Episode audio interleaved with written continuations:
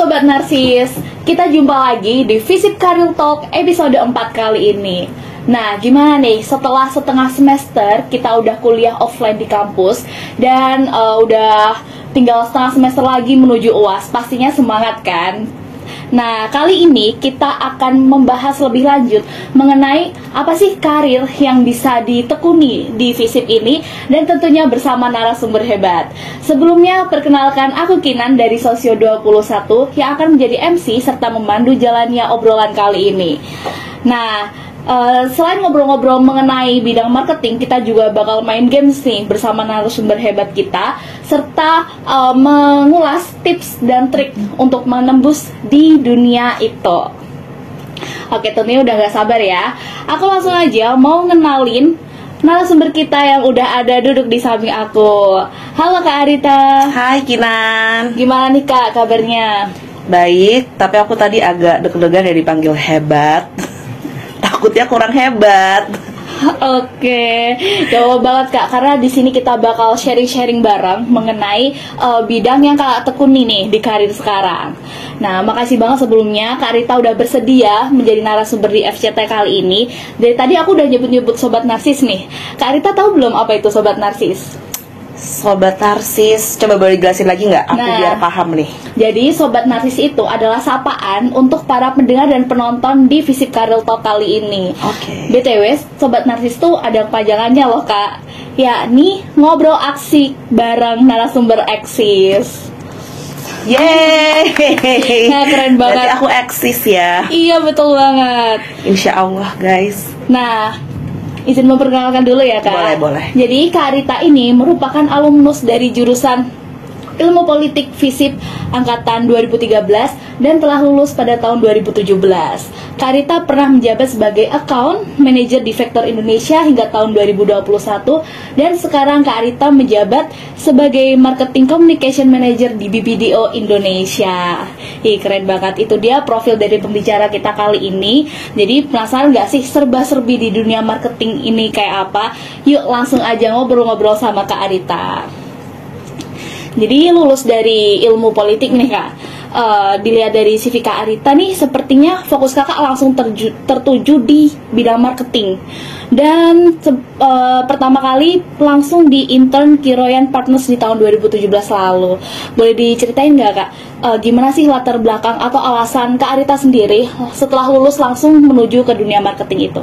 Oke okay, jadi uh, sebenarnya aku itu lulus itu aku intern dulu di Kiroyan Partners, which is Kiroyan Partners itu adalah uh, communications consulting firm. Uh, mungkin ada kalau kalian lebih familiar itu ada yang kayak Edelman, terus ada kayak Ogilvy itu mereka sama gitu. Tapi Kiroyan Partners itu pengarang Indonesia, which is di sini tapi dia fokusnya public affairs.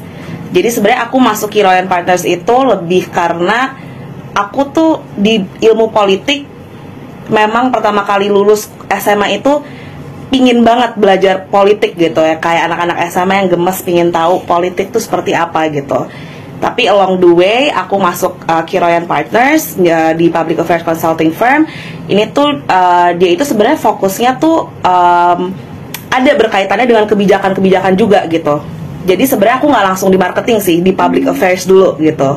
Sehingga pada saat aku di sana aku walaupun intern tapi lumayan di involve di banyak banget project which is yang kayak project kayak itu cukup serius gitu. Kayak kita harus engage sama stakeholders ini dan itu. Ada yang sampai uh, ke kementerian sampai ada beberapa pihak which is masih berkaitan sebenarnya sama orang-orang ada di politik gitu.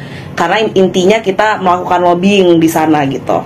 Nah kemudian setelah aku menjadi intern di sana aku jadi jatuh cinta pada public relations. Jadi public relations itu uh, salah satu dari uh, public affairs tuh di sini. Di bawahnya public affairs tuh ada beberapa pilar gitu. Salah satunya public relations gitu. Dan akhirnya aku suka sama public relations. That's why selanjutnya aku masuk di PR company. Di Vector itu adalah uh, eh, PR consulting firm juga. Kantor Jepang gitu. Jadi tadi aku awalnya di public affairs dulu masuk ke PR baru terakhir nih satu setengah tahun terakhir aku ada di Markom gitu marketing communications gitu Nah, uh, aku di sedikit nih kak tentang markom uh, marketing communication ini. Bedanya dengan marketing in general itu apa aja sih kak? Oke, okay, jadi sebenarnya kalau marketing itu uh, dia ini adalah payungnya gitu ya. Di bawahnya marketing tuh ada beberapa pillars lagi tadi kayak public affairs gitu. Ada yang communications ada yang digital ada yang uh, beberapa channel lain lah gitu. Tapi intinya sih the same principle gitu ya sama-sama marketing. Tapi komunikasi ini fokus di marketing communications itu fokus di uh, cara kita menyampaikan apa yang menjadi campaign atau produk kita gitu. Jadi the way we talk gitu ke hmm. audience kita ke customers kita gitu jadi lebih fokus di uh, gimana caranya mengemas jualan kita ini tuh bahasanya tuh akan didengar orang, terus mau didengar orang dan dipercaya orang. Jadi lebih kayak ke komunikasinya sih gitu. Oh iya bener, komunikasi ke orang-orang yang mau membeli. Betul. Gitu ya. Gimana cara kita bikin orang pingin beli atau orang tertarik untuk pingin tahu yang kayak gitu sih. Oke, nah ngobrol-ngobrol nih kak, kan kakak udah lulusan dari jurusan ilmu politik. Ya. Hmm, ilmu-ilmu dari jurusan kakak nih kepake gak sih kak di bidang sekarang ini? Uh, jadi gini, ini aku juga kenapa aku pingin banget nih uh, waktu aku diundang uh, gitu, kenapa aku pingin datang gitu? Karena menurut aku uh, finding your passion tuh memang tidak berhenti pada saat kalian memilih kalian tuh kuliah apa dan di mana gitu loh. Misalnya, oke okay, kayak aku SMA aku pingin banget ada di ilmu politik gitu pingin belajar politik gitu.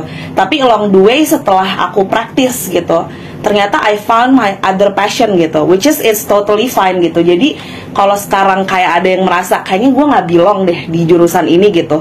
Kayak jangan lose your hope gitu loh. Karena along the way you will always find your passion gitu dengan cara apa pun gitu. Jadi kayak nggak perlu pada saat kalian kuliah oke okay, kalian masuk ilmu politik artinya gue jadi politisi gitu itu tuh bisa berubah gitu.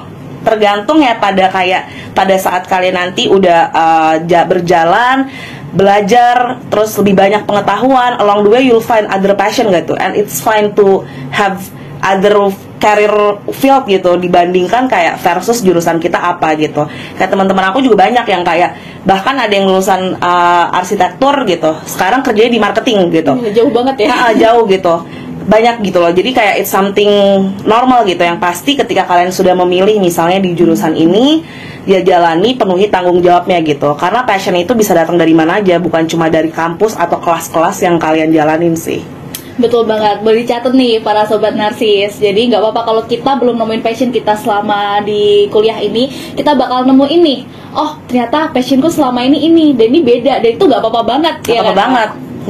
Nah, aku baca-baca juga nih kak, Karita pernah aktif di beberapa event dan organisasi di luar kampus dan pernah dapat cukup banyak prestasi juga. Salah satunya pernah menjadi seorang finalis di ajang Hill Prize Buster dan London juga pernah menjadi best delegate di model United Nations di tahun 2015 lalu uh, ngobrol-ngobrol dihubungin sama yang sekarang ini pengalaman-pengalaman kakak ketika uh, di luar kampus itu bermanfaat banget gak sih kak? Oke, okay. kalau menurut aku uh, bermanfaat sih tapi eh, aku pingin cerita sedikit ya gitu. Kenapa aku tuh waktu itu compete di Health Prize which is itu tuh lumayan prestis banget ya lomba itu gitu. Karena kita mewakili Indonesia bukan cuma UI di Boston dan itu uh, kampus Indonesia lain tuh gak ada yang di Boston gitu. Jadi bener-bener kayak tim aku pada saat itu tuh kita bukan cuma mewakili UI tapi mewakili Indonesia gitu. Dan kenapa nih nih, nih aku kayak pingin cerita ini di sini deh. Kayak kenapa gue waktu itu sampai ikut lomba ini. Padahal aku orang yang pretty much not ambitious gitu. Kayak just live biasa aja gitu. Ya kerjain aja tugas tanggung jawab biasa aja gitu. Tapi one day nih 2015 kayak gue tuh lagi lagi lumayan heartbroken gitu loh. And that time gue kayak ngerasa gila gue harus do better sih gitu.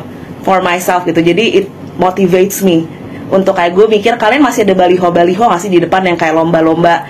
Gue mikir kayak one day gue mau ada di baliho ini gitu. Terus akhirnya gue cari tim ada anak ada anak hubungan internasional ada Agung 2013 ada Irfan uh, Irfan tuh tek Fasilkom ada Kania Cita Irlani tahu nggak? Ada anak politik juga. Terus ada Ara namanya dia udah alum alumnus UI gitu. Akhirnya one day kayak gila gue harus spin this negative condition gimana caranya gue nggak boleh rugi dua kali. Gue udah sedih gue pingin juga gue gue nggak mau udah sedih terus gue nggak nggak bisa kuliah gitu. Akhirnya gue bikin kita bikin tim itu kita compete. Actually we, we went to Boston gitu untuk compete walaupun tidak menang ya. Tapi menurut aku itu bermanfaat banget gitu ya kegiatan-kegiatan yang kayak gini. Poinnya adalah if one day kalian tuh menghadapi situasi yang kayak uh, ya misalnya kayak unmotivated atau apa lah gitu. Find your passion in the organization gitu atau cari kompetisi UI menurut aku UI punya fasilitas yang sangat baik sih untuk kayak apa ya punya program yang kayak gitu-gitu. Jadi kayak jangan rasa stuck misalnya di kuliah bosan atau apa cari gitu. Karena itu uh, your connection kamu kenal orang banyak di luar sana di luar negeri. Aku waktu itu connect sama orang Harvard hmm. orang-orang S2 sampai sekarang di LinkedIn juga masih cat-catan gitu. Hmm. jadi bermanfaat sih gitu. Jadi kayak first apa ya spin your negative negative condition gitu spin towards positive one gitu. Kedua ya it's very good for you gitu. Koneksi itu ya kamu di kelas juga udah ketemu orang-orang keren bayangin kalau kamu keluar kelas gitu. You can meet any kind of people gitu. Oke, okay, bener banget nih apa yang udah diobrolin sama Karita tadi. Tentu pengalaman-pengalaman di luar kampus tuh bermanfaat banget dan dapat membantu kita berproses di bidang karir nantinya ya kak ya. Kita lanjut nih uh, dilihat nih IKM Fisip UI ini kan banyak banget yang tertarik di bidang marketing. Padahal ya jurusannya ilmu sosial dan ilmu politik gitu ya kak. Tapi uh, dari yang kita lihat nih Karita ini, kalau berkarir di bidang marketing apa aja nih kak tips dan kiatnya nih? Oke, okay, uh, kalau dari aku yang pertama sih uh, always have a value gitu ya, understand one value gitu, kayak have a value yang bisa kamu share baik itu tentang barang yang akan kamu jual atau orang yang akan kamu jual gitu. Marketing kan can be for anything gitu ya. Bukan cuma barang doang gitu kayak uh, seseorang misalnya bahkan politisi pun punya someone behind them gitu kan. Itu kan kalian juga harus paham gitu value apa yang kita mau offer gitu buat audience. Satu understand your value and communicate it gitu. Kalau bisa relate sama audiensnya siapa target marketnya siapa gitu. Kedua nih berkaitan sama value ya of course you have to know your who is your target audience gitu. Karena ketika kamu udah set uh, target audience then you can understand gitu. Sebenarnya orang dengan umur segini atau dengan kemampuan uh, eh, SIS seperti ini tuh cocoknya dikasih value yang seperti apa gitu. Karena kan nggak setiap orang tuh mengerti gitu ya tentang apa yang kita bicarakan. Jadi kita harus paham banget gitu. Kemudian yang ketiga always up to date sih. Karena itu penting banget gitu. Kayak kita tahu mungkin kalian juga orang-orang yang main social media TikTok gitu let's say gitu. Aku juga pemainnya gitu. Setiap berapa hari juga kita ganti trennya gitu kan and we have to be agile gitu ya up to date and be agile untuk adjust ke tren itu gitu Ha, bener banget. Kita harus sudah siap ya mengenai tren-tren yang hmm. ada ya kak ya. Nah tentunya sobat narsis ini udah pada kepo nih kak. Mereka udah pada tanya-tanya di question box di Instagram BEM Visip. Hmm. Tapi kita bakal pilih dua pertanyaan terbaik yang mau aku tanya ini. Langsung aja ke pertanyaannya ya kak. Jadi ada pertanyaan dari akun @dinda underscore Ayu Zahra. Apa aja sih kak tantangan yang kakak hadapi selama berkarir di bidang marketing? Boleh diceritain kak? Oke, okay, uh, eh, sebenarnya kalau tantangan itu karena kan aku sekarang di agency ya gitu, jadi pasti yang paling sulit itu adalah uh, handling your client gitu, karena uh, satu kita bukan cuma manage sebuah barang gitu, tapi ada orang juga gitu yang punya expectation kan gitu, jadi kita harus bisa manage itu dengan baik gitu. Misalnya, uh, let's say ada kebutuhan urgent gitu dari klien butuh ini harus tayang besok gitu. And then kita harus lihat dong resource kita di tim tuh seperti apa gitu. How to communicate and bridge itu sebenarnya agak susah gitu. Kayak kayak membuat ekspektasi antara klien terus internal tim yang ngerjain itu juga harus ketemu. Itu menurut aku susah ya gitu. Karena aku spesifik di agency untuk marketing gitu. Yang kedua itu adalah um, yang paling susah itu tantangannya lebih ke ini sih ya apa uh, dengan era yang baru banget nih ya bukan baru banget ya sebenarnya era yang uh, era digital ini nih gitu marketing everything change so fastly gitu dalam minggu ini let's say kita lagi fokus di misalnya kemarin fashion Citayam. Tiba-tiba minggu depan udah ganti lagi gitu. Padahal kita baru mau produksi something di situ akhirnya kita ketinggalan lagi gitu. Jadi itu sih emang karena semuanya serba cepat informasi terlalu cepat kita terima dan disebarkan jadi it's very hard to keep up kadang-kadang gitu. Oke okay, tapi itu sih ya. sejauh ini Karita mampu nih mengatasi tantangan-tantangan itu. So far sih ya uh, most of the time bisa sih gitu. Cuma ada juga hal di mana kayak kita harus punya nilai bar bargain gitu loh. Oke. Kayak sorry, uh, misalnya kayak Mbak, Mas, gue nggak bisa gitu karena kita begini. Jadi kayak ya nggak setiap hal tuh harus bisa kita iyain gitu. It's okay to say no sebenarnya gitu. Oke, thank you banget nih. Kita lanjut di pertanyaan kedua ya kak Dari Ed Indira Humairo Apa aja sih soft skill dan hard skill yang diperlukan untuk menunjang karir di bidang marketing kak? Oke, boleh Oke. jawab kak? sebenarnya sih aku gak suka aku aku the way I will say nggak nggak mau kayak hard skill atau soft skill apa gitu ya. Mungkin kayak sebenarnya setiap orang itu mumpuni untuk mengemban any bidang menurut aku gitu.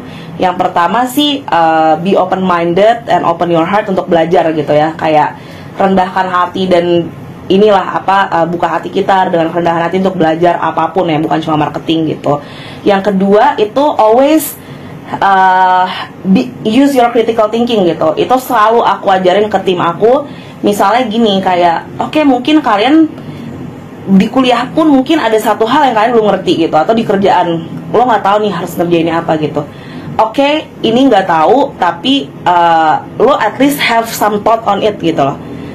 Ini apa ya mbak? Atau ini apa ya pak? Gitu. Eh, saya nggak ngerti kalau menurut saya ini ya gitu. Jadi at your POV on that gitu loh jangan cuma kayak eh, lempar sesuatu tanpa memahami coba memahami dulu dan eh, punya inisiatif gitu. Punya thoughts on something anything gitu. Dan ini menurut aku sih bukan sebuah hal yang apa ya bukan kayak skill atau blessings dari Tuhan ya. It's actually something yang kalian bisa lakukan gitu loh. Kayak yaudah setiap lo menerima sesuatu lo digest dulu lo pahamin walaupun lo nggak ngerti.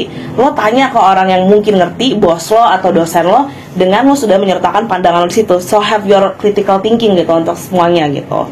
Terus yang ketiga always spare a contingency plan sih. Jadi kayak lo harus punya two steps ahead ya gitu I don't know ini tuh adalah uh, hard skill atau soft skill nggak tahu tapi menurut aku ini adalah hal yang sangat penting di pekerjaan apa pun gitu Nah, kita lanjut aja nih Kak. Kita mau seru-seruan bareng sama Kak Rita. Nah, sekarang mainnya game disordered. Jadi Kak Rita langsung pilih aja mana Oke. nih sesuai oh, ini lebih pilih ini atau pilih itu.